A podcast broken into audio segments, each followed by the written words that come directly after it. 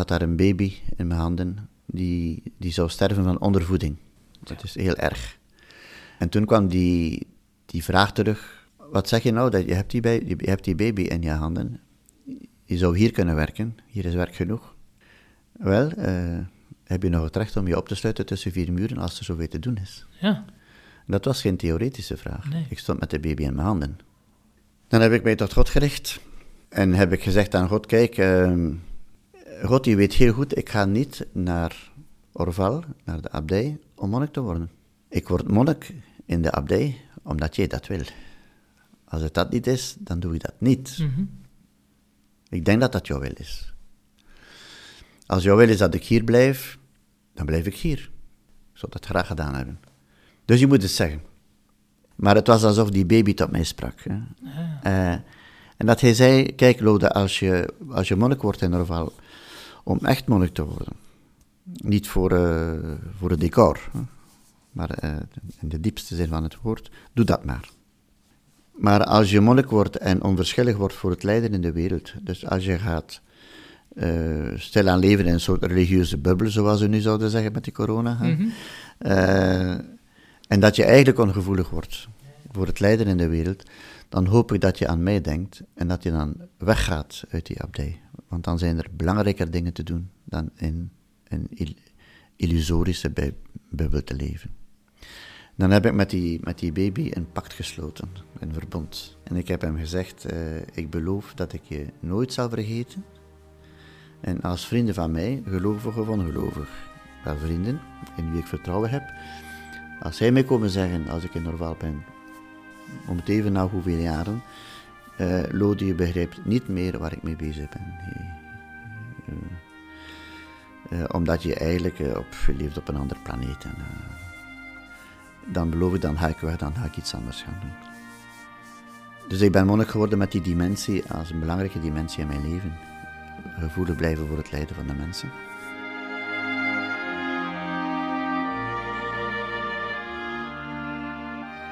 Leuk dat je luistert.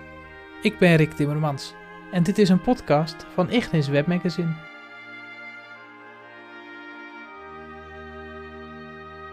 Monnik en bisschop. Lode van Hekken verruilde de eeuwenoude abdij van Orval begin 2020 voor het bisschoppelijk paleis in Gent. De voormalige abt bleef bestuurder, maar verder veranderde alles. Hoe heeft de trappist deze verplaatsing beleefd en wat is hij er wijzer van geworden? Wat kan de wereld, wat kan de kerk leren van de monnik en wat leert de monnik van ons? Om te beginnen bij de nieuwe functie en meteen misschien maar een grote vraag te stellen. U bent nu een jaar bisschop, bijna. Uh, wat ziet u als het essentiële in uw werk, in uw functie als bisschop? Misschien uh, dwingt die coronaperiode mij er precies toe om mij die vraag te stellen en mm -hmm. om naar het essentiële te gaan. Want veel technische mogelijkheden vallen weg, ook materiële mogelijkheden vallen weg. Ik kan niet reizen, of veel minder toch. Minder mensen ontmoeten, groepen ontmoeten. Ik zou zeggen, ja, waarom, is mijn monnik en waarom is mijn bischop, en nu bischopmonnik, om het evangelie te verkondigen. En dat hangt niet af van onze technieken en dat hangt ook niet af van een pandemie of wat dan ook. Dus het komt erop aan dat het evangelie verspreid kan worden, dat Jezus beter bekend kan worden en dat we dat doen op een kerkelijke manier. Het is de kerk die ook gevoed wordt door Christus en die zich als voedsel geeft aan deze wereld. En dan op welke manier, ik zou zeggen op, elk, op alle mogelijke manieren. En, en, wat ziet u nu als mogelijkheden? Want het is natuurlijk heel ingewikkeld. Ja. U had niet echt veel geluk wat dat betreft. U was net nee, maar daar lig ik ook niet van wakker. Um, nee. Welke mogelijkheden hebben we? Wel, precies om, omwille van dezelfde redenen, zoals daar zo pas zei, dingen die wegvallen, komt het er meer op aan van te zijn dan van te doen en dan van te hebben. Dus wat zijn we? En dan, als je dan in contact komt met mensen, uh, op welke manier dan ook, uh, mm -hmm. door teksten te schrijven misschien, of door Zoom-sessies, of uh, op welk contact dan ook. Ja, wie, wie, ben je eigenlijk als je daar bent? En dat is toch het belangrijkste dat je doorgeeft, ook als we alle middelen hebben. Wat komt er eigenlijk over? Ja, ja, ja, wat je bent, meer dan dat je dan wat je doet of denkt te zijn. Ja. Ehm, ja, u moet nu natuurlijk de natuurlijke habitat van de monnik, ja, die mist u. Ik bedoel, ik zei wel, u verhuist naar het bisschoppelijk paleis, maar dit is denk ik niet de plek waar u woont. Dit is echt uw werkplek. Ja, het is natuurlijk een hele grote verandering. Het decor is niet hetzelfde. Uh, dat heeft toch wel een invloed op je manier van zijn ook. Het zou, ja. het zou, je zou het belang van, ja, van, van een woning en van een gebouw onderschatten als je dacht dat je daar boven of daaronder staat of daar buiten staat. Um, dus ik werk in een heel andere, mm, ja, een heel andere context dan, dan, dan als monnik. Uh, inderdaad, woon ik ook niet echt ter plaatse. Dat is mijn eerste beslissing geweest uh, toen ik hier in Gent kwam. Dat is, ik wil in zo, zoveel mogelijk in gemeenschap leven met anderen. Hmm. Vandaar dat ik uh, samenleef met een paar priesters uh, en we hebben ook vaak gasten die bij ons komen inwonen. Ja, door die, ja, door die andere omgeving um, heeft dat u misschien ook in staat gesteld om, om dieper door te dringen tot wat het betekent om monnik te zijn? Uh, ja, het eerste gevoel is natuurlijk wat je mist. Ja, precies. Dan maakt ook duidelijk wat je mist. Ja, en, wat je dan bent. Ja, uh, ja als, als, maar als ik het zo zie, dan mis ik veel. Hè. Ik mis mijn gemeenschap. Uh, ik mis de gebedstijden zoals die beleefd worden in een abdij. Ik mis misschien vooral de stilte en ook de natuur. dat hangt van de persoon af, maar mij helpt dat echt waar. Um, ik denk niet dat ik echt de roeping zou gehad hebben om monnik te worden in de stad. Mm -hmm. En nu moet ik leven in de stad en kan ik niet eens in een monnikengemeenschap leven in de stad. Maar wat blijft er dan over van de monniken nu? Ik ben 70 jaar. Ik ben monnik geworden toen ik 25 was. Dus heb ik heel mijn leven in een abdij geleefd. Mm -hmm. Het zit er gewoon in, je krijgt het er niet meer uit. Maar wat is dat dan? Ga, wat is dat? Uh, het is alles wat ik geleerd heb, ervaren heb, dat blijft meespelen in wat ik doe en wat ik zeg. Um, dus het is een soort intuïtie die je gekweekt hebt van wat is de evangelische zin van de dingen. Hoe ga je naar mensen toe? Ik ben abt geweest. Ik was vroeger ook vicemeester geweest, dus uh, vormer, opleider van, van jonge monniken. Ehm, dat speelt eigenlijk allemaal mee. Het is op die manier dat ik, dat ik hier ben. Ik stel me nooit de vraag, wat moet ik doen om monnik te zijn in deze context? Ik, ben gewoon mezelf. En wat erin zit, komt krijg je er niet meer uit. Mhm. En dat cultiveer ik ook zoveel mogelijk. Dus ik word dan nou, nog steeds gevoed door monastieke literatuur, omdat dat mij precies doet leven. Ja, ik zou het zo uitdrukken. Ja, ja. En is het dan, want u, u, gaf net een paar dingen aan die u dan moet missen. Uh, de stilte misschien het meest. Uh, het getijdige... van de stad, dus, uh, ja. Ja, het getijdengebed met uw broeders. Ja, ja. Hoe geeft u dat nu vorm? Lukt dat? Wel, dat lukt natuurlijk min of meer. Je kan ook stilte vinden in de stad, dat, dat wou ik precies zeggen. Dus ik mhm. wil het niet... Ik leef niet alleen maar in lawaai, maar het is niet dezelfde stilte. Ik leef samen met, uh, met anderen, uh, maar het is niet hetzelfde type van gemeenschap. Um, ja, nu je de vraag stelt, misschien zou ik zeggen wat er, wat er gemakkelijker is in een abdij is een vorm van voortdurend gebed. Je hebt minder zorgen, daarom word je ook monnik, om je van een, een aantal zorgen af te zetten. Mhm. Ook al kende ik ook zorgen. Ik ben een, verantwoordelijk geweest van, van een onderneming en ik ben abt geweest. Dus het gaat er niet om dat je geen zorgen hebt. Mhm. Maar je, je, bleef het op een ander niveau. Ja, dus een ander is een bepaald kader. Je bent minder verstrooid in een abdij. Bij de stress ook. Uh, minderjachtig en dan, goh, met alle respect voor wat ik moet doen, maar ik zou zeggen minder oppervlakkige contacten. Ah. Je kan meer naar de essentie toe gaan. En dan misschien heb je ook iets dat ik altijd de luxe gevonden heb van, van het monnik zijn, dat dat mij afgenomen is. Dat is, uh, als monnik mag je toch wonderwel jezelf zijn. En daarmee bedoel ik het, het volgende op spiritueel vlak.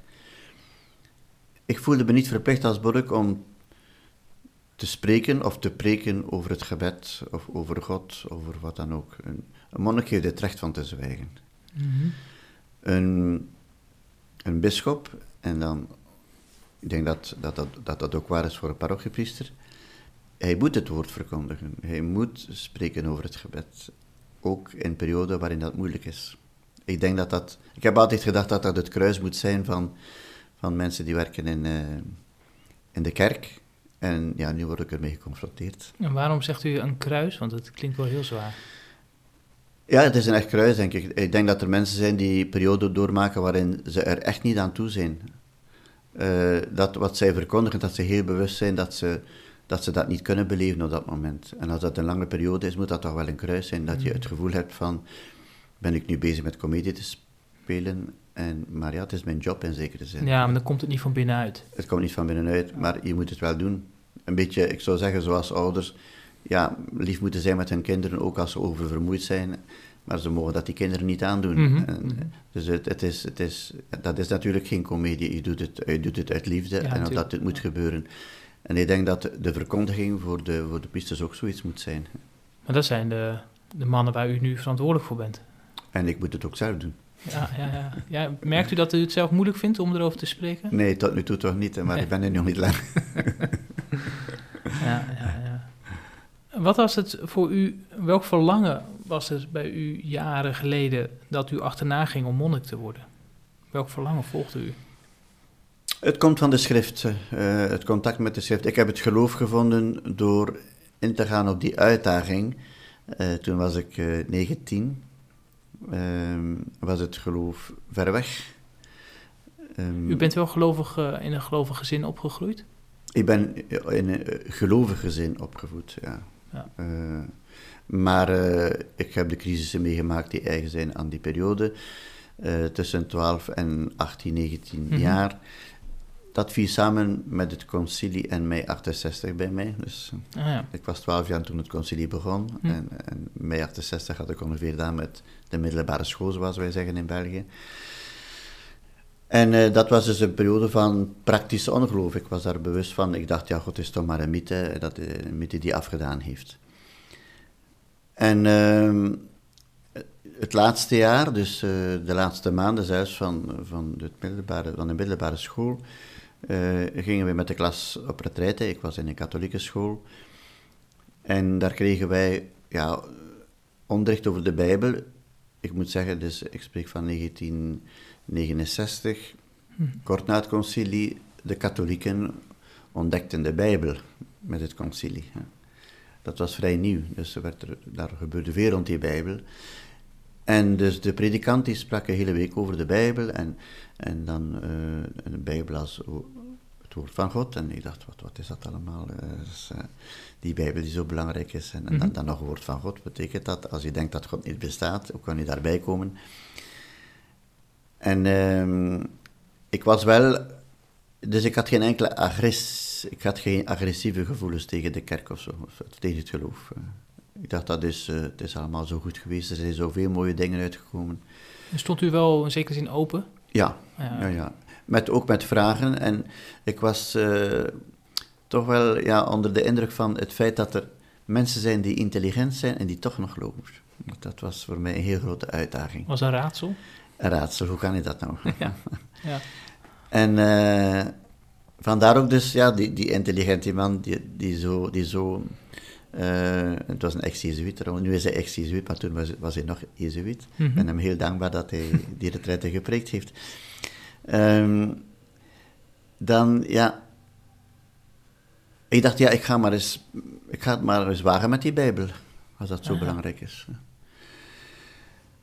Natuurlijk, de Bijbel, dat lees je niet zomaar. Dus eh, ik ben thuisgekomen, dat was in, in februari, denk ik, of zoiets. Ehm, ik heb een methode gekocht in een, een boekhandel, binnengelopen, een boekje gevonden waar het daarover ging, Mhm. met een methode erin. Dat is ook belangrijk. En dan, het was een heel eenvoudige methode die ik nog altijd kan aanraden eigenlijk. Bestond erin, je moest een Nieuwe Testament kopen, Het was alleen maar het Nieuw Testament. Oké, daarmee ben ik begonnen ook. En dan uh, voor iedere dag werd er verwezen naar een, wat wij nu een pericoop uh, noemen, dus een, een klein uittreksel uit, uit het Nieuwe Testament, heel verschillend. Je moest dat gewoon lezen, met in je achterhoofd vier vragen. Uh, staat er iets in dat je treft over God? Staat er iets over Jezus? Staat er iets over de mens? En staat er iets in speciaal voor jou? En men raadde aan van vier uh, kleurstiften te kopen en te onderlijnen wat overeenkwam met een van die vier. Ah. En het was niet meer dan dat. En ik heb dan gezegd, kijk, God, als je bestaat... Mm -hmm. Ik denk niet dat je bestaat, maar alleen dat toch maar wat dat eens proberen. um, ja, dus dan moet je maar over de brug komen. Wat, waar ik mij toe verbind, dat is twee dingen. Ik zal het iedere dag doen. Ik ben eigenlijk nooit meer gestopt, maar alleen. uh, dus nu meer dan 50 jaar. En dan, uh, en dan, ik zal ook intellectueel eerlijk zijn. Wat bedoelt u daarmee? Uh, ik verplicht me niet om te geloven. Maar als ik denk dat er elementen zijn die wel in de richting van het geloof, zal ik dat ook niet wegsteken. Ah, ja. Ik zal dus goed lezen. Ja. Dus dat heb ik iedere dag gedaan en ik ben daar ook heel trouw aan geweest. Ook als ik om twee uur morgens thuis kwam. Uh, want ik had wel ook een uitgaandersleven. Mm -hmm. uh, en had engagementen in de jeugdbeweging enzovoort. Uh, dan ging ik niet slapen voor ik die lezing gedaan had. En dat duurde ook niet zo lang. Dat was iets tussen 10 minuten en 20 minuten. Dus, uh, het was geen, geen systematische meditatie zoals we dat nu zouden doen. Dat was gewoon lezen met die vier vragen. Ja. En na enkele weken heb ik gekeken, uh, wat heb ik eigenlijk onderlijnd? En ik merkte dat ik over God niets onderlijnd had. Ah, ja. Um, wel over Jezus. Het was ook de tijd dat men de historische Jezus weer ging ontdekken. Mijn ouders spraken weer over Christus, de Zoon van God, dan over Jezus. Mm -hmm. Over Jezus wel, ja. En dan uh, Jezus als genezer, want ik dacht van geneeskunde te studeren. Mm. En uh, Jezus als, als leraar. Al die elementen spraken mij sterk aan. Maar uh, over Jezus en zijn relatie tot God had ik niks onderlijnd. Toen dacht ik, ja, dat is toch niet helemaal normaal. Er zit een, blinde vlek bij mij, want voor Jezus is dat toch wel belangrijk. Dus ga ik wat letten op die, die relatie tussen Jezus en, en God. Ja, dan werd dat natuurlijk heel opvallend. En ontdekte ik die, die dimensie in, in Jezus niet als een soort, ik, vergelijk dat met een commode met allemaal laden in, een kast. Uh, dat geloof, of die relatie tussen Jezus en God, die hij zijn vader noemde, was niet een bijkomende lade, een element erbij, mm -hmm. naast genezer zijn en, en, mm -hmm. en, en, en leraar enzovoort. Maar dat was eigenlijk de bron van waaruit al de rest voorkwam. Dat was, dat was een inspiratie. Dus alles wat ik bewonderde in die figuur van Jezus, um, dat kwam daaruit voort gewoon. Op een heel natuurlijke manier, blijkbaar. Dat vloeide daaruit voort. Ja, natuurlijk, als je dan iedere dag zo verder leest en je begint daarop te letten, komt de vraag wel eens, uh, wat doe je daar eigenlijk mee? Dus hoe sta je dan tegenover die God? Uh, en toen dacht ik, hm, toch niet te snel. Hè. Dus uh, ik zal eens proberen het vierde punt te, om in ogen te houden. Mm. wat staat er in de Bijbel voor jou? Dus ik zal proberen evangelisch te leven. En dan met in mijn achterhoofd de vraag van, ja, als ik nu zou geloven, zou dat iets bijbrengen? Want als het niets bijbrengt, waarom zou ik geloven? Als het erop aankomt van gewoon goed te zijn en, en te vergeven, en dus al die, die typische christelijke waarden zoals we vandaag zeggen, zonder het geloof daarbij te betrekken, waarom zou je dat dan doen? Ja. En dan, wat is er dan gebeurd? Ik zou zeggen, ik ben op een of andere manier uh, in het geloof stilaan gegleden. Dus uh, na enkele tijd gaf ik er mij rekenschap van dat ik zodanig weer ging rekening houden met dat evangelie, dat dat voor mij eigenlijk iets vitaals geworden was, door die dagelijkse lezing. Ja, dat, dat, dat ik eigenlijk gelovig geworden was.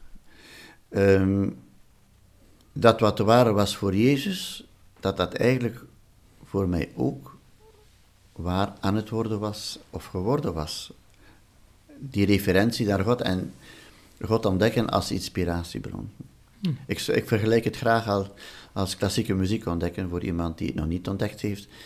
Je zegt gewoon, allez, luister eens mee. En misschien zegt die, zegt die man of die vrouw, dat zegt me niks, dat is alleen maar ketelawai. En, en, eh, en dan zeg je, ja, maar we gaan, blijf toch maar eens luisteren. Mhm. Dus blijf openstaan daarvoor. En dan op een of ander moment vindt hij de sleutel. Moet je er doorgepakt. En kan hij niet meer zonder. En, uh, en dat verandert zijn leven voor een stuk. Mhm. Met het geloof is dat natuurlijk nog meer het geval. Mhm. Dus ik was gelovig geworden. en dat is direct verbonden geweest met de Bijbel. Um, tijdens de laatste examens had ik het gevoel van, ik weet niet waarom, ik heb nu heel mijn leven gedroomd, vanaf mijn vijftiende tot mijn negentiende, dat ik zou dokter worden. En iets zegt mij dat ik het niet zal doen. Ja, dat zijn natuurlijk domme ideeën. Dus eh, als je ervoor staat, dan moet je het gaan doen. Mhm. Dus ik dacht, nee, dat is, dat is gewoon laten vallen. Hè. En dat is altijd maar hoe langer, hoe sterker geworden, tot ik ja, eigenlijk mijn studies in vraag gesteld heb. U was wel begonnen inmiddels? Nee, het was de grote vakantie, maar ik moest iets ah, gaan doen in september. Ja. En ik had geen enkel alternatief. En dan, uh, dus dat heb ik het gezegd aan mijn ouders, dat groot jolijt van mijn ouders natuurlijk, ik kan je je voorstellen.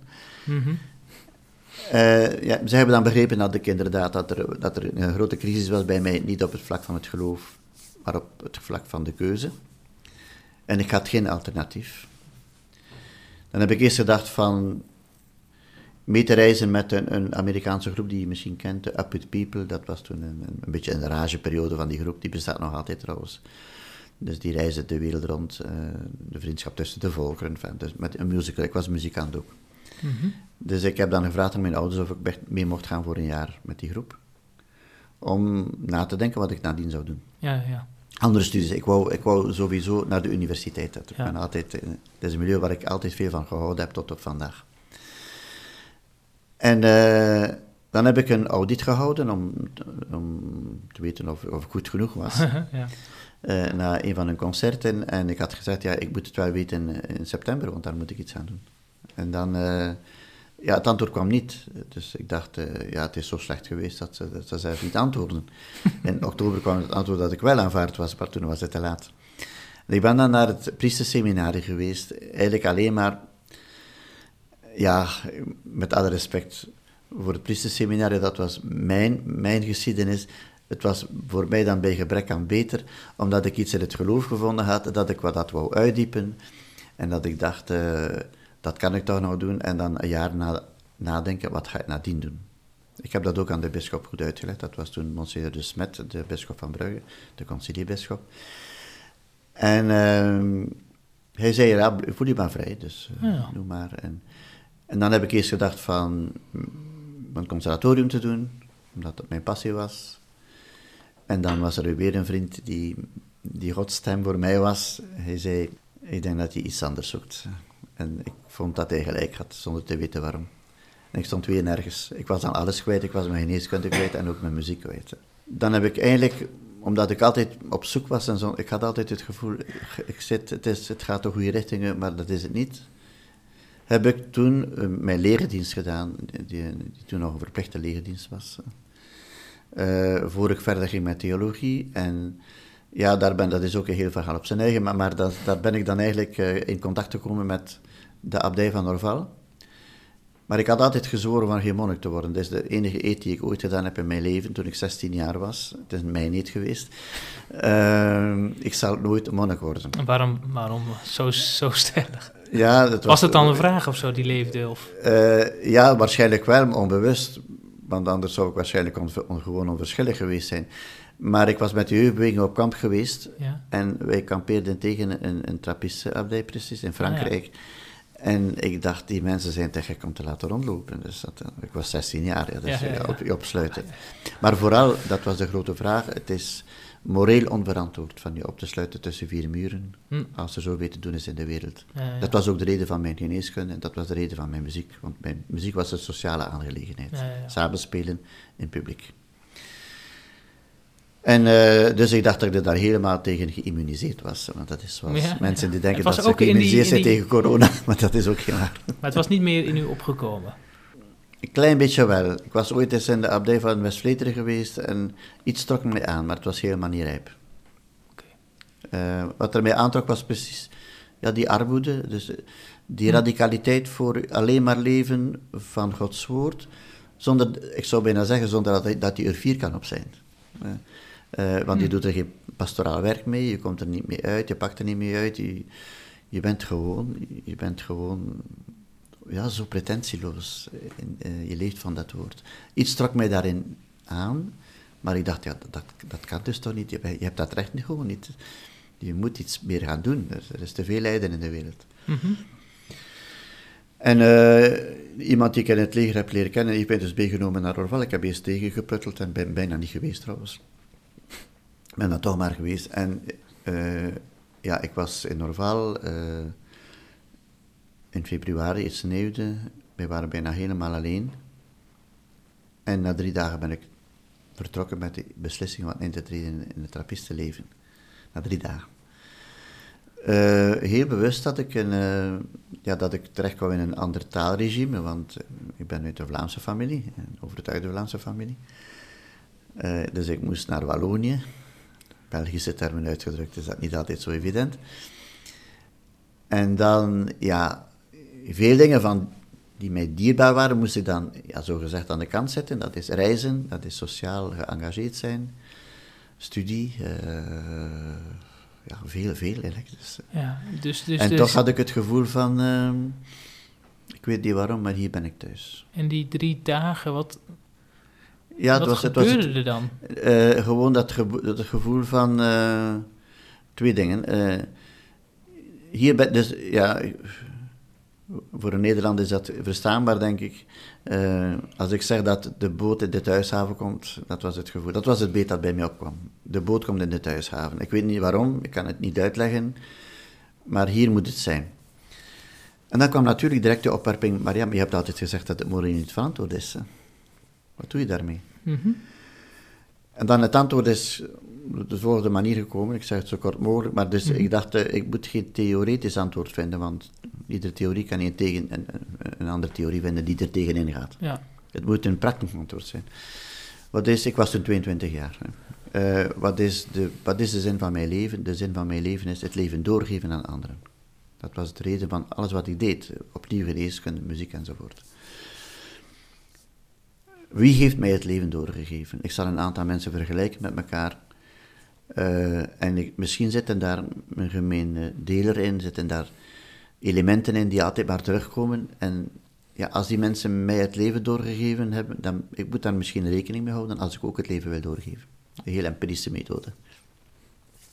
Dan heb ik naast elkaar gezet eh, mijn moeder, eh, verschillende redenen. Het was niet alleen maar een biologische moeder, maar Mhm. mijn moeder was, had eigenlijk een zakenvrouw kunnen zijn, maar heeft dat laten staan voor haar kinderen.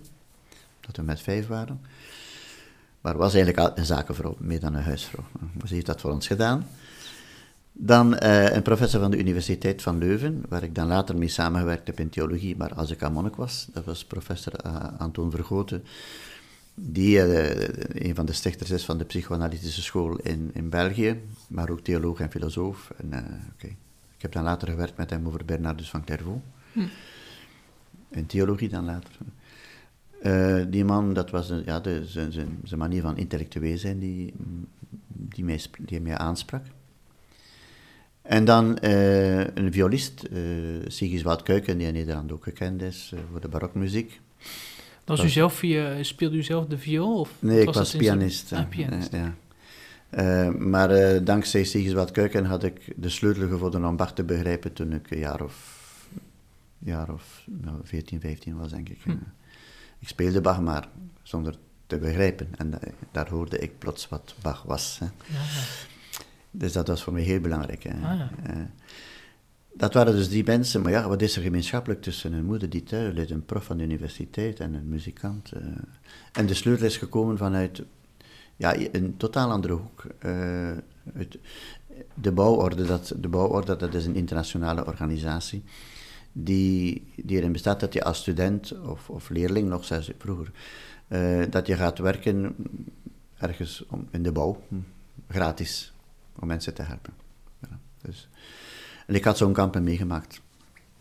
En in een van die kampen, uh, hier in de streek van Gent trouwens, in, in Sint Maartenslaatem, uh, ja, werkten wij met, met, met, iemand van de stiel, zoals je zegt. Dus, want als student kan je natuurlijk niet bouwen, dus we hadden een, mm -hmm. een, metser nodig daarvoor. en dat was, een, dat was in ons geval dan een, Duits, een, een Zwitser. Hij heette Giuseppe Naas, hij was van Schaffhausen. En uh, die man maakte een geweldige indruk op mij, door zijn manier van zijn. Het gaat weer om dat zijn. Hè.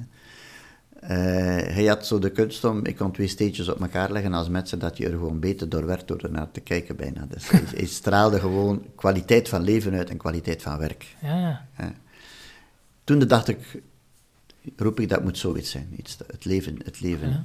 geven, maar door het uit te stralen. Ja, ja. En wat er gemeenschappelijk was tussen, tussen die vier, dat was iets heel eenvoudigs. Ik heb nooit een beter antwoord gevonden tot vandaag. Ze geven het leven door, wat de bedoeling van mijn leven was, het leven doorgeven, door zich te verzoenen met de plaats die de hunne is. Je verzoenen met de plaats die de jouwe is. Waarom zeg ik verzoenen? Omdat als je je plaats vindt, moet je daar een en ander voor opofferen. We hebben allemaal meer mogelijkheden in ons dan we kunnen realiseren. Je kan niet monnik worden en getrouwd zijn tezelfde tijd. Ik kan geen uh, prof zijn aan de universiteit en tezelfde tijd uh, een voetballer in de eerste divisie. Uh, ik kan geen artiest zijn van heel goed niveau en, en nog drie dingen ernaast doen. Mm -hmm. Dus je moet ergens dingen opofferen. Mm -hmm. je, je moet je dus verzoenen met die plaats. Maar het moet wel jouw plaats zijn en niet de, de plaats van mijn fantasmen. Ik heb altijd gedroomd van dokter te worden. Dat was mijn fantasme, dat ook inspireerde en, en mij vooruitgreep in het leven. Maar ik dacht, ja, als mijn plaats hier is, als dat het gevoel is dat ik heb, hier is het te doen. En dat was in Orval. Hoe wonderbaar mij dat ook lijkt, hoe, hoe paradoxaal, eh, dat ik op die manier precies het leven zou doorgeven door precies tussen vier muren te blijven, zoals ik altijd gezegd had. Ja, dan moet ik dat doen. De rest is achter mijn eigen illusies aanlopen. Achter mijn eigen fantasmen achterlopen. Achter het beeld van mezelf. Maar ik ben niet het beeld van mezelf. Ik moet mezelf zijn gewoon. Hmm. En dat gevoel was zo sterk dat dat, dat de plek ook. En dat was, ja, ja, en ik heb dat onmiddellijk gezegd. Dan hebben zij natuurlijk gezegd, maar man, dat gaat niet zo snel. je moet ten eerste eerst je studies afmaken, want dat was een vereiste. Dat je, een, een, nee, je moest een vak... Een, je moet een vorming hebben, ja. je moest ergens een beroep hebben of ja, iets. Ja. Dus je bent begonnen aan de universiteit voor wijsbegeer te gaan terug. Daarvoor, dat heb ik dan ook gedaan. Ja, ja, ja. ja. En dus die Bijbel, dat is het, ik ben eigenlijk altijd vooruitgetrokken geweest door, door, door, door Jezus in de Bijbel. En, en, en ja.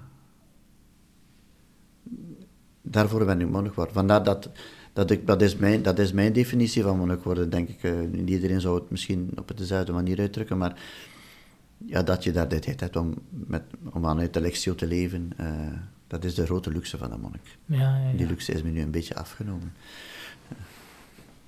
Ja, de vraag die ik eigenlijk gedacht had te stellen, maar eigenlijk daar zijn we nu al heel wat mee gekomen, want het is juist dat precies dat spanningsveld dat u eigenlijk aangeeft.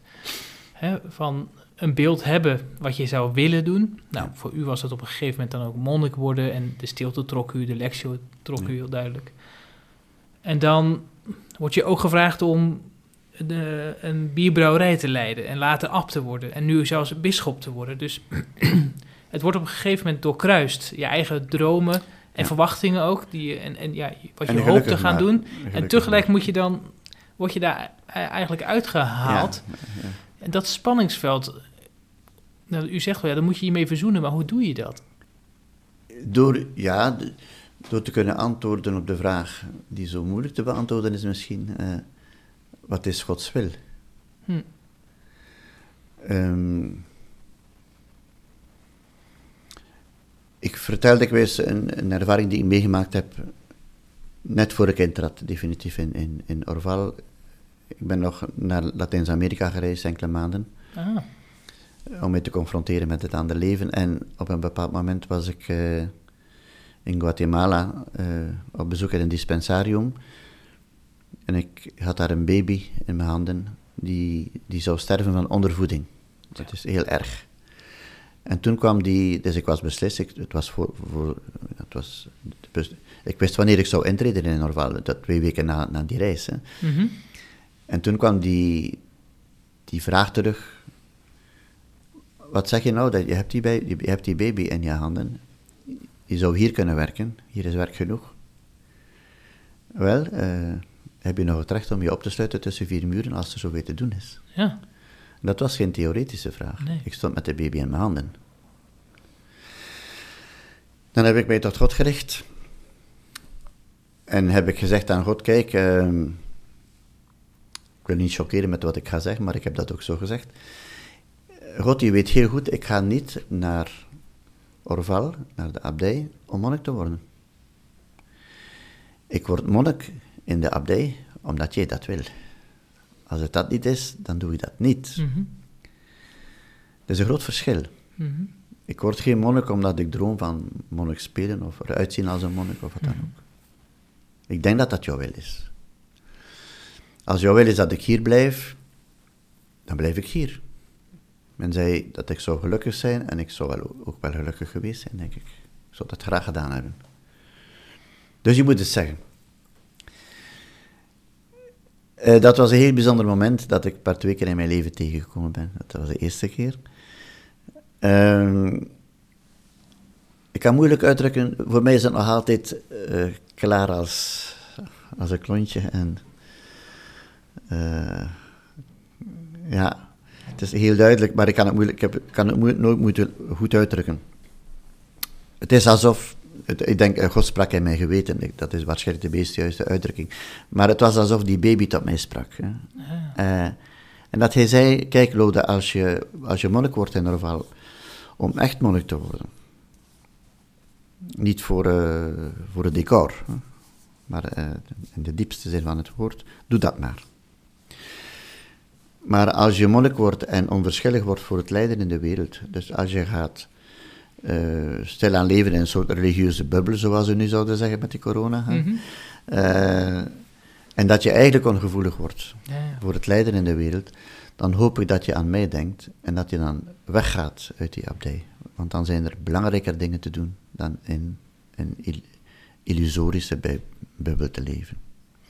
Dan heb ik met die, met die baby een pact gesloten, een verbond. En ik heb hem gezegd, eh, ik beloof dat ik je nooit zal vergeten. En als vrienden van mij, gelovig of ongelovig, wel vrienden in wie ik vertrouwen heb, als zij mij komen zeggen, als ik in Norval ben, om het even na hoeveel jaren, eh Lode, je begrijpt niet meer waar ik mee bezig ben.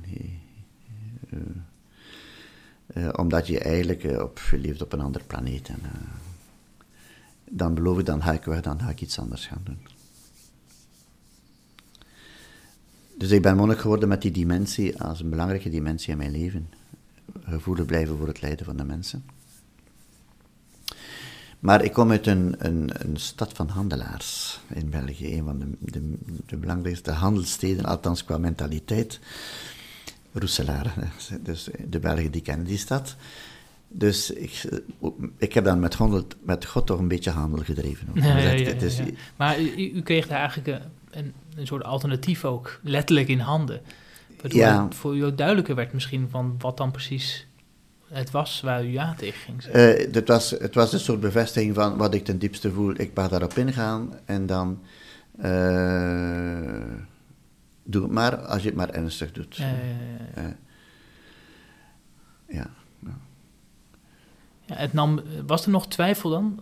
Ook, was er nog twijfel? Eh, ik heb twijfel gekend op andere niveaus sin- eh, nadien. eh, maar ik heb eigenlijk, sinds ik het geloof gevonden had, toen ik 19 jaar was, heb ik geen echte geloofstwijfel gehad. Ik heb wel in het monastieke leven dorheid gekend. Een heel grote dorheid van, die een paar jaar geduurd heeft. Dat is heel moeilijk als je als over- achterlaat om monnik te worden. En je voelt helemaal niks meer. Niks. Geen enkele Ja, woord dat spreekt. Als morgens tot 's avonds. Maar dat is toch geen ongeloof. Ik geloofde dat God ergens bestond. Het was een vraagstelling van mijn monastiek leven. Is dat geen tegenindicatie voor mijn monastiek leven. Als alles tegengaat, ja, waarom Ja, op een gegeven moment moet je dan denken, ik ben hier niet gelukkig, dit is Ja. toch, ik heb het toch verkeerd geïnterpreteerd. Ja, en dat was ook, dat was ook mijn vraag natuurlijk. Dat heb ik ook gezegd in de begeleiding. eh, en van al die, in die jaren dat het zo moeilijk was, heb ik bijna niets onthouden van al wat men mij verteld heeft. om in een kot te houden. Behalve één zin die Oh, mij gered ja? heeft. Behalve één zin. Maar mijn begeleider wist het niet meer. Ik heb het hem jaren nadien gevraagd Ja, of hij dat wist. En hij heeft dat gewoon langs zijn neus gezegd, dacht hij. Ehm, ik denk dat hij het gewoon moe was van mij te horen zeuren. En, eh, en hij zei maar, "Pff, dat is jouw woestijn. hè." En die zin heeft mij gered. Ah, Want omdat, dan heb ik gedacht van, had hij gezegd, ja, het zijn inderdaad tegenindicaties, dan was ik vertrokken. ja, ja, ja. Maar hij zei, dat is jouw woestijn. En toen dacht ik, ja, maar men heeft het altijd over die woestijn in de Mhm. monastieke literatuur. Ja. Als dat nog mijn woestijn is, dan moet ik erdoor. En ik heb mij dat aan het ene zinnetje twee jaar lang opgetrokken, van morgens tot 's avonds. Van dag tot dag, heel dikwijls heb ik gedacht, misschien ben ik morgen weg. En als het heel lastig was, dan dacht ik, 's morgens, allez, het zal nog gaan tot deze middag. En 's middag dacht ik, het zal nog gaan tot vanavond. Maar het is, het is mijn woestijn waarschijnlijk. En dan, eh, wat is er gebeurd? Eh, ja, dat zijn, dat zijn toch wel heel sterke ervaringen. Ik had die woestijn nodig, dat heb ik dan begrepen nadien. Eh, ik moest van de godsbeelden, ik was er al een week kwijt denk ik ondertussen, dankzij de Bijbel, maar ik had er nog veel over. Mhm. Ik moest daarvan, ik moest daarvan weg. Ik moest, eh, ik moest bevrijd worden van de idee dat ik wist waarover het ging. ja. Ja. Ja. En daarvoor, daarvoor moest ik die woestijn door. En dan, dus ik heb toen alle mogelijke gebedstechnieken geprobeerd en alle mogelijke methoden en, eh, van, vanuit Oost en West. En, en niks dat nog pakte. En, eh, dus ik moest eigenlijk alle wapens laten vallen. Ja, ja, het initiatief loslaten. Echt intuïtief, maar dan echt loslaten. En Ja. niet tot, tot ik de eerste kans kreeg om ze weer op te nemen. Ja, ik moest ja, zeggen, nee, ik ga het ook niet meer opnemen. Het is gedaan. hè. Dus ik dan, dat was mijn gebed van, ja, God, als je... Ik, ik weet dat je bestaat, maar dus, eh, ja, je laat u kennen wanneer dat je wilt. Ik heb liever dat ik niks voel dan een, dan een, een, een, een God in de verbeelding. Dat heb ik dikwijls gebeden. Mhm. Liever niks dan, dan verbeelding. Ja, ja. En dan op, op ja, een bepaalde dag ben ik, eh, we hadden toen de Eucharistieviering rond 11 uur 's middags. En eh, ik ging naar de Eucharistieviering en ik weet niet wat er gebeurd is. Ik kwam, we begonnen de psalmen te, te bidden samen. En alle woorden spraken. Alles. Plots. Dus alsof dat er een, een dam doorbroken was. eh. dat was een fantastisch gevoel. En ik wist dat, ik het, dat het niet van mij kwam. Eh, ik zou het ook niet meer gekund hebben. Ik had het voldoende geprobeerd. En Ja, ja, ik zag er al lang genoeg af, van af om dat nog te proberen. En eh, de, de wereld ging weer open en, en dat was een heel, heel groot cadeau. Voor mij is dat een soort godsbewijs. eh, niet wetenschappelijk natuurlijk, maar voor mij was het heel duidelijk. Hier heeft God de zaak in handen genomen. Ja, ja, en wat is er dan met die godsbeelden? Is er dan, wat is er dan van overgebleven? Of wat is er voor in de plek gekomen? Ik denk dat alleen Jezus overgebleven is. Ik kan, als, als je mij vraagt wie is God, dan kan ik alleen maar antwoorden, kijk naar Jezus. En, eh, meer kan ik niet zeggen. Ah, Ik heb geen ander beeld daarvoor. hm. Hij, hij toont het best, hij zegt het op de meest juiste manier. Hij zegt ook zelf dat we naar hem moeten kijken om het te weten. Trouwens, waarom zouden we het elders gaan zoeken? Ja, nee, dat is maar eh, zo. dus ik kan het wel zeggen met overtuiging. Ik kan dat nu zeggen vanuit mijn ervaring en niet alleen maar om, omdat ik dat gelezen heb of, of, of dat- omdat ik dat moet zeggen of zoiets. En En dan heb ik, heb, ik wel de ervaring opgedaan, het is God die mij leidt als monnik en niet iemand of wie dan ook eh, anders. En was die, ja, u, u zei al wel vanaf het begin dat u uit uw Bijbel begon te lezen, dat waren de evangelieverhalen. Dus dat ging Eh. dan niet zozeer over God, maar vooral over Ja. Jezus.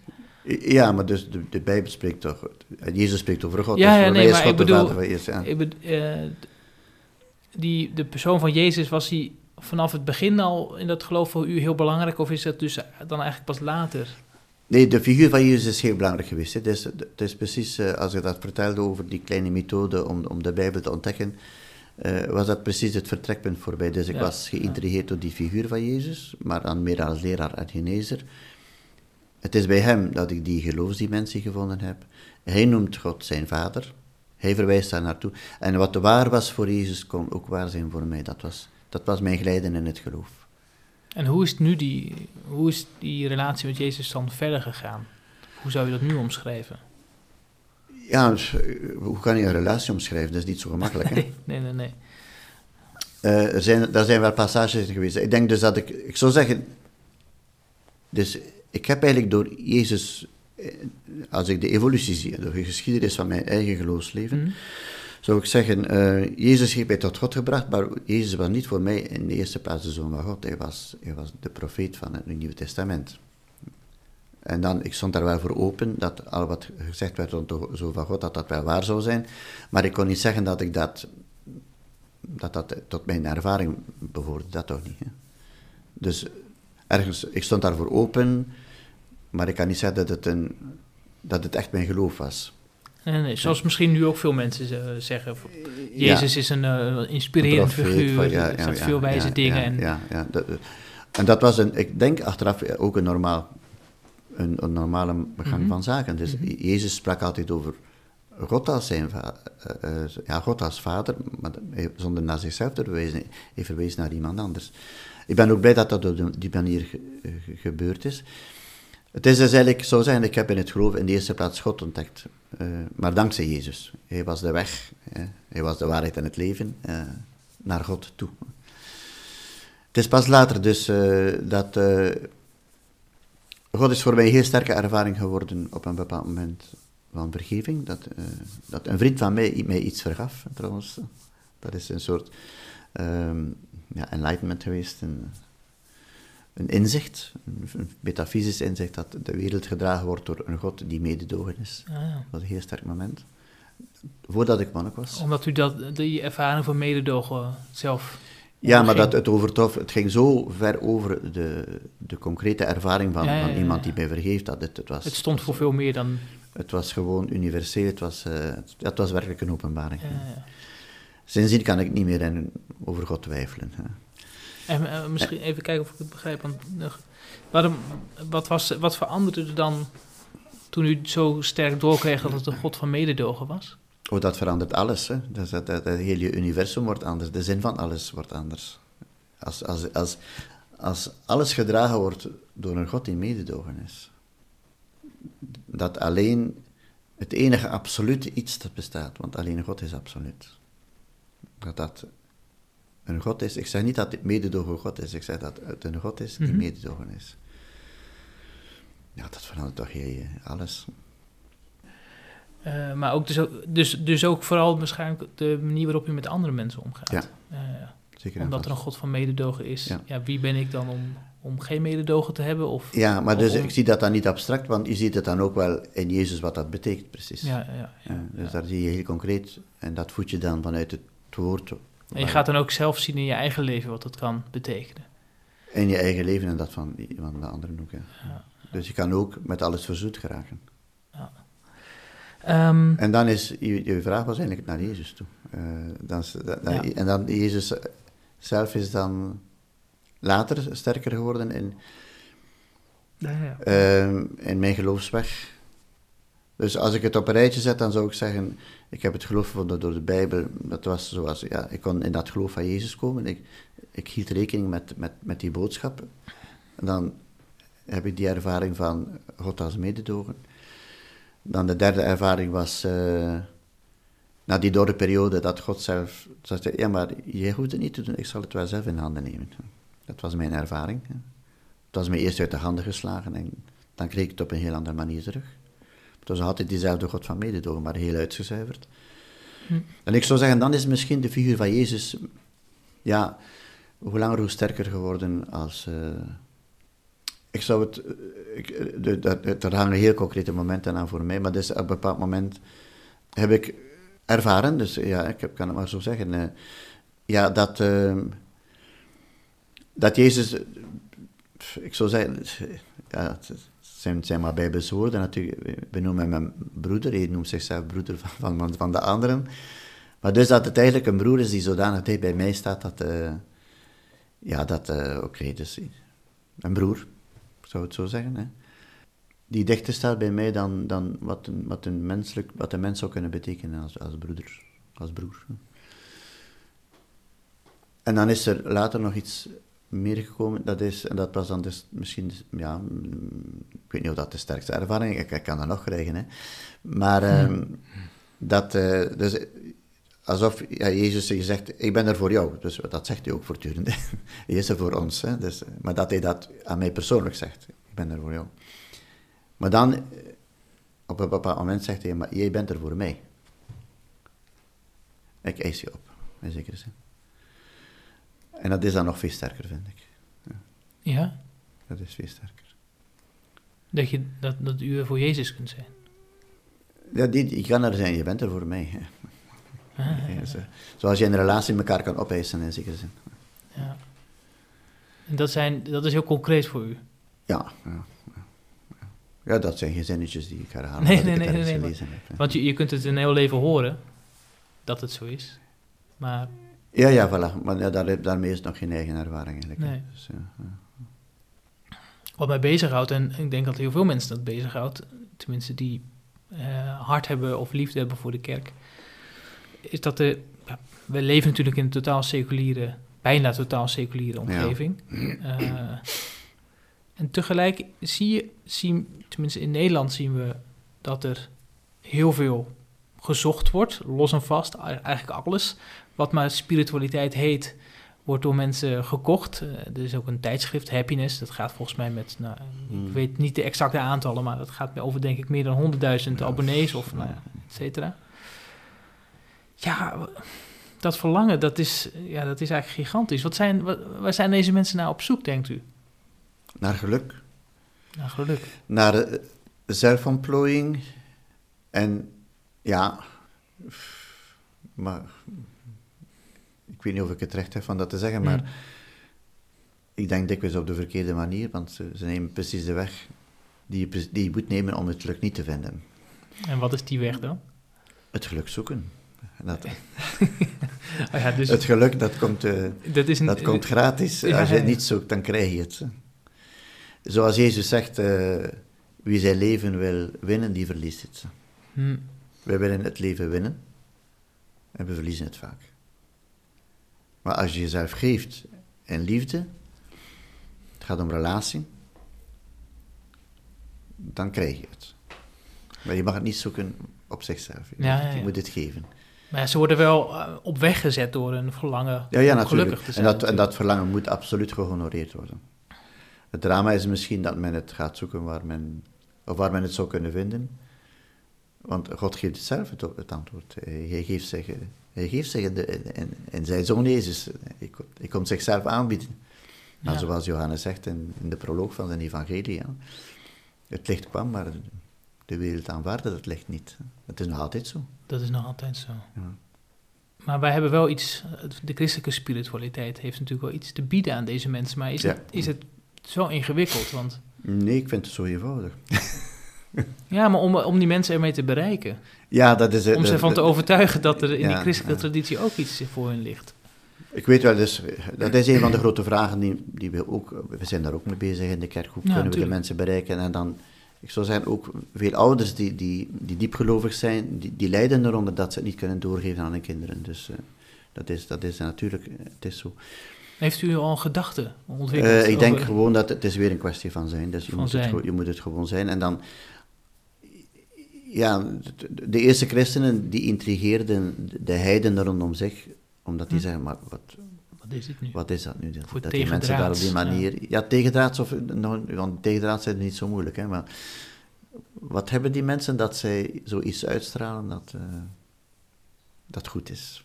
Waar een mens beter van wordt, waar je, waar je goed bij voelt maar in de diepte. Niet alleen maar uh, oppervlakkig van uh, happiness. Ja, maar dat betekent dat het voor de gelovigen het geloof ook wel de diepte in moet in hun leven. Dat is de enige methode, denk ik. Ja. Toen ik, toen ik in het begin van mijn monastiek leven heb ik de akte gelezen van de martelaren. Die, die, waren toen in het Frans vertaald. Dus dat zijn de, de, de, de, de getuigenissen van het tribunaal van, van de martelaren in Rome, die bestaan.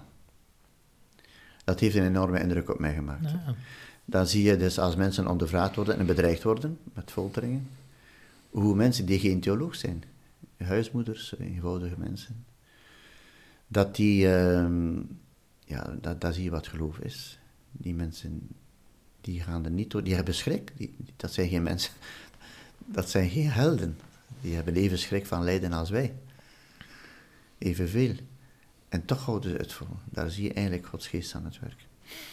Om het heel actueel te maken, ehm, eh, enkele jaren geleden, drie jaar geleden nu denk ik ongeveer, zijn daar 21 kopten vermoord in Libië. Uh, uh, onthoofd geweest. Door, door, door, ISIS? Door de ISIS. Je kan dat zien op video. Mm ja. uh, dat heeft op mij een hele grote indruk gemaakt. Dus ik heb ook die film bekeken.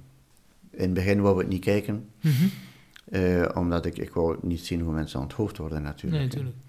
Maar ik had op de... Ja, op, op internet had ik de getuigenissen gezien. Men had, dus in, in Egypte had men dan de families van, van die mensen ondervraagd. Het was een, een journalist.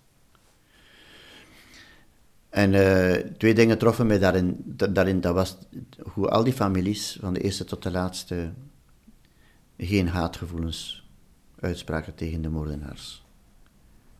Het oordeel aan God overli, overli, overlieten, of zeiden, of zeiden, ja, ik ben toch christen, ik, ja, ik vergeef toch. Of, allez, als dat dan je eigen zoon of, of echtgenoot is of zo. En dan ben ik, ik, heb ik gekeken naar, de, naar, die, naar die film. Je ziet, de onthoofding zelf heb ik niet gezien, maar het was al erg genoeg. Maar omdat een, een onkel um, van iemand van de, van de martelaars dat zei... Uh, dus uh, hij, was, ik keek naar de televisie en werd dus geconfronteerd, zoals de meeste van die mensen op het moment zijn, door de televisie. Dat zij, dat zij vaststellen dat dat hun kinderen waren, of hun, hun echtgenoten, of, of, hun, of hun neven. En hij zei, ik heb, ik heb de film gezien dat uh, mijn, mijn, mijn neef, dus uh, net, voor dus, net voordat dat, dat, dat hij onthoofd wordt, de naam Jezus uitspreekt. Dus, je zou wel de lippen bewegen dat de anderen baden, maar dus hij spreekt, dus, Yeshua denk ik goed zit in dat zo dus. Mm -hmm. En hij zegt, ik was vier als hij dat zag. Ja, ja, ja. En dan heb ik gekeken, daardoor heb ik gekeken en zei, wat, wat betekent dat dat iemand die, die, die net voor aan het hoofd wordt, de naam Jezus uitspreekt. En dat zijn dus, dat, zijn, dat waren arbeiders, dat waren geen theologen. Mm -hmm. Die zijn, ondanks, de, dat heeft men, men heeft toch een aantal elementen nadien geweten, rond, rond, rond, rond de laatste momenten, laten we laatste weken, Waar ze, men heeft dus alles gedaan om hen proberen van het geloof af te brengen. Die mensen hebben niet toegegeven daaraan. Dus het geloof, het is, het is toch iets anders dan, dan boeken of wetenschap of kennis. Het gaat toch om iets anders. En dat hangt er rond de naam van Jezus. En waarom vertelt u dit? Waarom vertel ik u dit? Oh ja, omdat dat, dat, is, dat is, ik zou zeggen, daarvoor worden christen. Omdat het als, zoveel als Tertullianus is. zegt dat het bloed van martelaren zaad van christenen is, dan is dat vandaag ook nog waar. Ja. En ik zeg niet dat het de enige methode is, want iedereen is geroepen om martelaar te worden. Je moet, ik verlang daar ook niet naar. Nee. Ik heb ook dicht bij de broeders van Tibrin gekend, Mm. waarvan men, over, men de film gemaakt Mhm. heeft, eh, Les Hommes et les Dieux. Ehm, maar het is toch inderdaad bij de martelaars dat je de, de meest chemische zuivere vorm van geloof ziet, denk ik. Dus het is, daar zie je de geest aan het werken. Wat, wat een mens zelf niet kan, dat doet de geest. En we mogen ons daar naartoe vertrouwen. Jezus zegt ook, je moet, je moet niet voorbereiden voor het tribunaal. De geest zal wel zeggen wat je Ja, moet ja, zeggen. ja, ja. En dat is ook zo. Hm. Daarop kunnen we vertrouwen. Dat die kracht gegeven wordt, is toch een heel sterk getuigenis in de wereld van vandaag, waarop men precies op zoek is naar zin. Waarin zoveel mensen moe worden, waarin ze het moe worden in die coronaperiodes. Als ze werk kwijt zijn of als naastbestaanden overleden zijn, worden ze nu toch wel geconfronteerd. Maar wat is de zin van heel dat leven? Maar die zin, die, die hebben wij, die krijgen wij. We hebben er niet, maar we krijgen die als christen. Al de rest wat men kan, de kritiek die men kan geven op de kerk enzovoort, dat is toch allemaal, dat, dat, dat is inderdaad mensenwerk en, en, en, en, en, decor, maar, dat, maar het gaat om iets anders, het Mhm. gaat om iets fundamenteelers. Dat is het geloof. Ehm, ja, u bent, u bent nu bisschop, bij, bijna een jaar. Eh, Ja. Misschien laten we nu even kijken naar dat, naar dat... U krijgt op een gegeven moment die vraag op uw bord. Ze zien het ja. en dan de vraag is, uh, Lode, uh, wil je bisschop worden? Of, of hoe gaat dat? Ja, het is, het is, bijna, het is bijna zo eenvoudig. ja? Nee, het is een beetje, het is nog, het is een klein beetje erger eigenlijk. Dus. Oh. De, de, de, maar het is niet veel langer. De nuntie zegt, oh, de paus wil je bisschop benoemen. Uh, ben je daarmee akkoord? Ah ja, ja, oké. Het is toch een benoeming? Een, ja, ja, ja, ja oké. Maar het wordt niet opgelegd, maar het wordt wel uh, voorgesteld. Het is de paus die je wil benoemen. Uh, weiger dan maar eens. Of, nee, maar wat, ja, wat, denk... wat, wat, gebeurt... Want uh, ook al is het wel een vraag of niet een vraag... Het, het, komt hoe dan ook op uw bord terecht en u moet daar iets mee. Dus, allee... ik wil daar gewoon mezelf zijn mijn antwoord, want dat is mijn geschiedenis. Ja. Um, ik wist dat er sprake over was. Het was al in de krant gekomen. Mijn kandidatuur, zo gezegd, op, ik was geen kandidaat natuurlijk, maar was al in de krant gekomen, ook in het verleden. Dus ik was daar al mee geconfronteerd geweest met die vraag. Wat, wat zou ik antwoorden, moest de vraag komen. Mm uh, en dan gelukkig voor mezelf, want ik, ik weet niet hoe ik zou gereageerd hebben, had ik echt nu is niks verwacht. Ja. Ik zou waarschijnlijk geweigerd hebben, ik weet het niet. Ik weet het mhm. niet, dat is... Nee, maar het is ook zo niet gegaan. Maar het is zo niet gegaan, dus ik was er ergens... Ik wist dat de vraag kon gesteld worden. Mhm. Ehm, ik was wel klaar met de... Met mezelf was ik klaar, dus ik had dat vroeger al afgewogen, de voor en de tegen. Ik had al mijn tegenargumenten uitgespeeld, ook in de begeleiding. Ik had dus de vraag gesteld van mensen die mij goed kennen, wat denk je daar en waarom wel en waarom niet enzovoort. Ja. En op een bepaald moment uh, had ik het gevoel van uh, de balans was in evenwicht. Dus, uh, want ik was abt van mijn gemeenschap en ik voelde me daar heel verantwoordelijk voor. En als ik er dan vraag om mijn gemeenschap te verlaten, die mij in een kleine gemeenschap vandaag nodig heeft om bischop te worden, wat, wat doe je daarmee? En ik had dan ook geen reden om te weigeren op persoonlijk vlak op een bepaald moment heb ik echt kunnen zeggen van, kijk, uh, u wil geschieden. Als de paus het vraagt, dan zeg ik ja, omdat de kerk het vraagt. Wat de gevolgen ook zijn.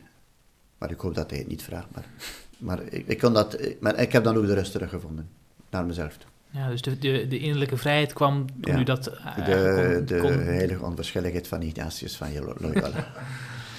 Dat was het, denk ik. Hè. Ja. En dan, maar dan, als de vraag dan heel concreet kwam, want dan, als je het je voorbereid hebt dan, uh, in, je, in je kleine hoofd, dan valt dat plots weg.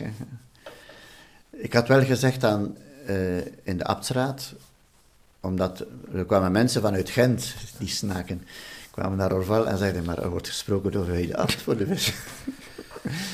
En een aantal broeders geraakten toch wel in paniek bij ons. Ja, En dan heb ik gezegd, kijk, als, als men mij voorstelt om, om ab te worden, ik zou beginnen met te weigeren, had ik gezegd. Want de paus heeft gezegd dat, uh, dat alles een kwestie is van onderscheiding en dat de onderscheiding begint met de dialoog. En dan wil ik eerst dialogeren. Ik wil zeggen aan de paus dat het heel moeilijk is voor mijn gemeenschap. Dat ik als... Als u wordt gevraagd bischop te worden, ja. Ja, uh, dat, uh, en dat ik, dat ik denk dat ik ben ab van mijn gemeenschap. Ik kan zomaar niet vertrekken. Als je dan toch vasthoudt, dat wisten de broeders, dan aanvaard ik. Dus dan kom je in de initiatuur en dan wordt dat zinnetje, het fatale zinnetje uitgesproken. En dan, uh, dan dacht ik plots, ja, dat discours dat ik voorbereid heb, dat dient nergens toe, want de paus weet gij goed wat hij, wat hij mij aandoet. Mm die consultatie is zo ver gegaan. Mhm. Die mensen weten alles over mij. Ik denk dat de Nuntjes mij beter kent dan ikzelf. Ik zal eens gaan vragen wie ik ben eigenlijk. Want die mensen hebben zoveel mensen geconsulteerd. Ja. En men heeft altijd in geweten geantwoord. Dus je weet heel goed wie ik ben. Ik ken ook mijn situatie. Je weet dat mensen, ik weet dat mensen gezegd hebben van... Uh, we zouden liever hebben dat hij in Norval blijft, want de gemeenschap heeft hem daar nodig. En zo'n monnikengemeenschap is ook belangrijk voor de Belgische kerk. Dus ik moet dat aan de paus niet uitleggen, hij weet het. Mhm.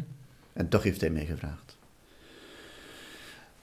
Ja, hij is de enige die mij, die mij dat kan vragen. Weet je, toen ik uh, mijn plechtige gelofte gedaan heb, toen was ik... Uh, wat was ik dan?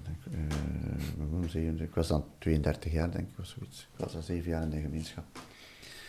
Ehm, Dan heb ik aan mijn ouders gezegd, uh, ik ken de toekomst niet natuurlijk. Ik ben Madame Soleil niet met een kristallen bolze. Mm -hmm. ik weet alleen maar dat ik normaal gezien voor de rest van mijn leven in Orval zal zijn. Want de enige die mij uit de abdij kan halen is de paus. Maar de paus kent Orval niet en hij kent nog minder Lode in Orval. dus dat risico was eigenlijk... Maar, we zeggen nooit, nooit. De paus kende plots toch wel Orval en Lode in Orval. Dus hij is de enige die mij dat kan vragen. En die vroeg het.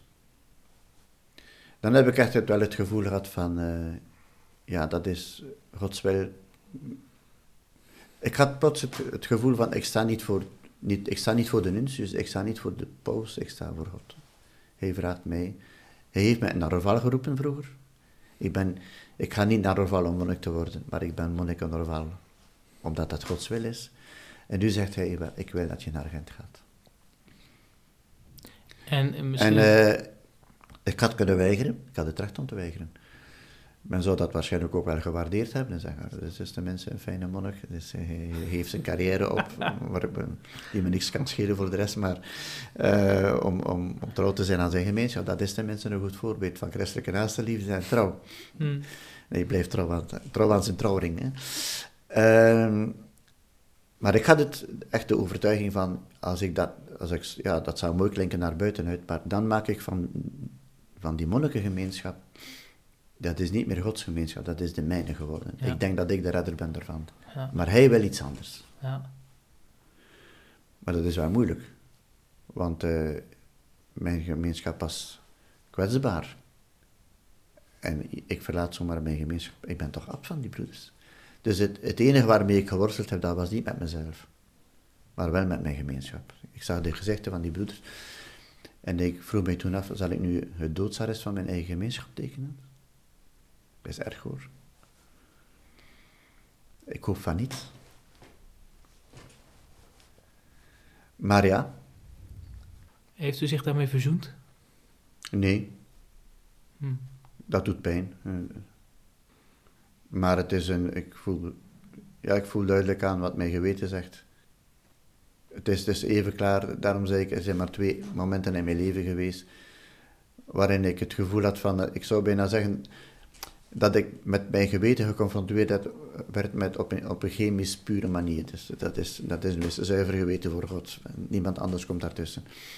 Ik had, ik had ook een moment, maar dat is maar twee seconden geweest misschien, had ik het gevoel van Goh, ik heb altijd ten eerste, ik heb altijd de bisschoppen beklaagd, heel mijn leven lang. Dus, wie niet? Ik, dacht, ja, wie niet, maar ik dacht toen ik monnik was, het eerste dat je kan komen over, over als monnik is abt worden. Ik ben ook abt geworden. En dan dacht ik, goh, ja, het is nog altijd niet zo erg als, als bisschop worden. Ik ben ook bisschop geworden. En, en, heeft u nog meer van zulke soort gedachten gehad? Nee, tot nu toe niet. Dus, ik heb een genade van staat gekregen. Maar dan plots, dus al, al wat, je, wat je kan zeggen als opmerkingen van, eh, ga je dan, je wordt dan de vertegenwoordiger van een, van een instituut, mm bij veel mensen, dat door veel mensen eh, ja, gehaat wordt, en dan anderen waar gewoon negatief bekeken wordt met mm alles wat er gebeurd is. Dat valt eigenlijk allemaal weg op dat moment. Het gaat erom, God vraagt mij om bischop te zijn voor, essen, voor het essentiële, en al de rest pak je erbij. Dat is veel, maar... Ja, ja, ja, En stelt u dan ook al de vraag, eh, waarom God vroeg of u hier bisschop wilde worden? Nee. Ik zeg, dat is, voor mij is het een mysterie. Hm. Um, de laatste vraag. Er is, ja, u kent de woestijnvaders. Uh, Weet je toch, hè? Ja, en... ik ken ook de woestijn vooral. Ja, u kent ook de woestijn. en u weet ook dat het uh, heel zwaar is, maar dat dat niet het, het, einde van de wereld is. Ja.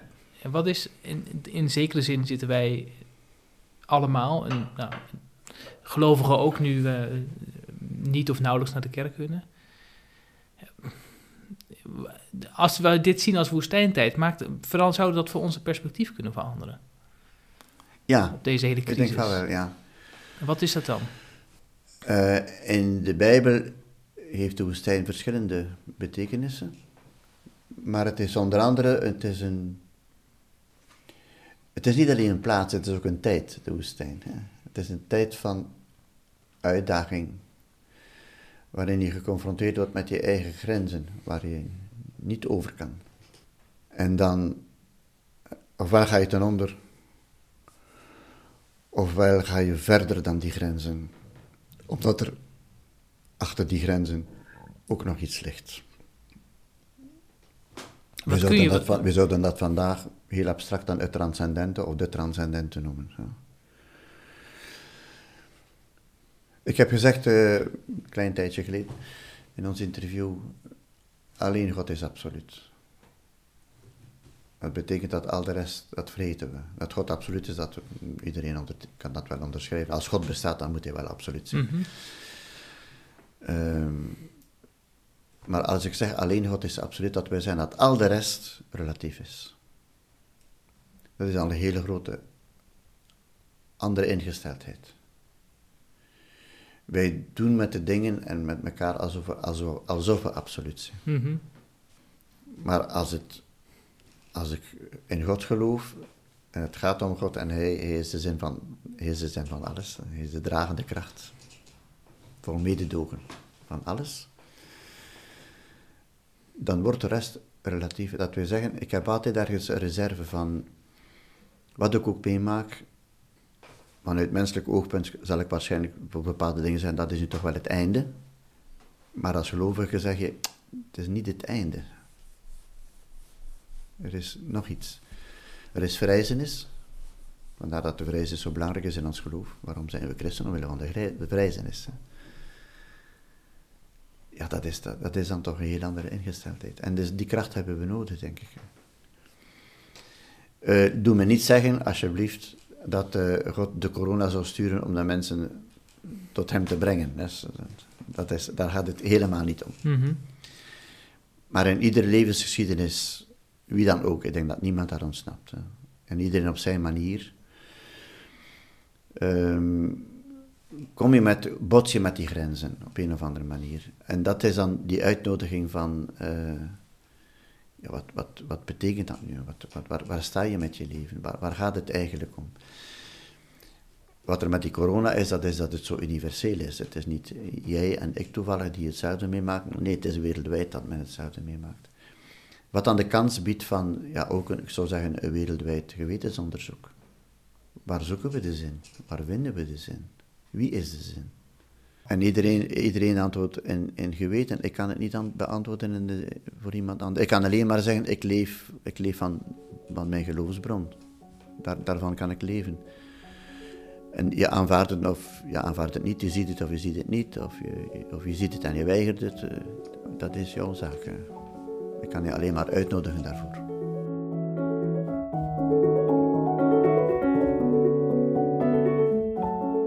Heb je genoten van dit gesprek? Als je via Spotify of SoundCloud naar dit gesprek hebt geluisterd, kun je de aflevering delen via Facebook, Twitter, maar ook in je Instagram-story. Bedankt alvast.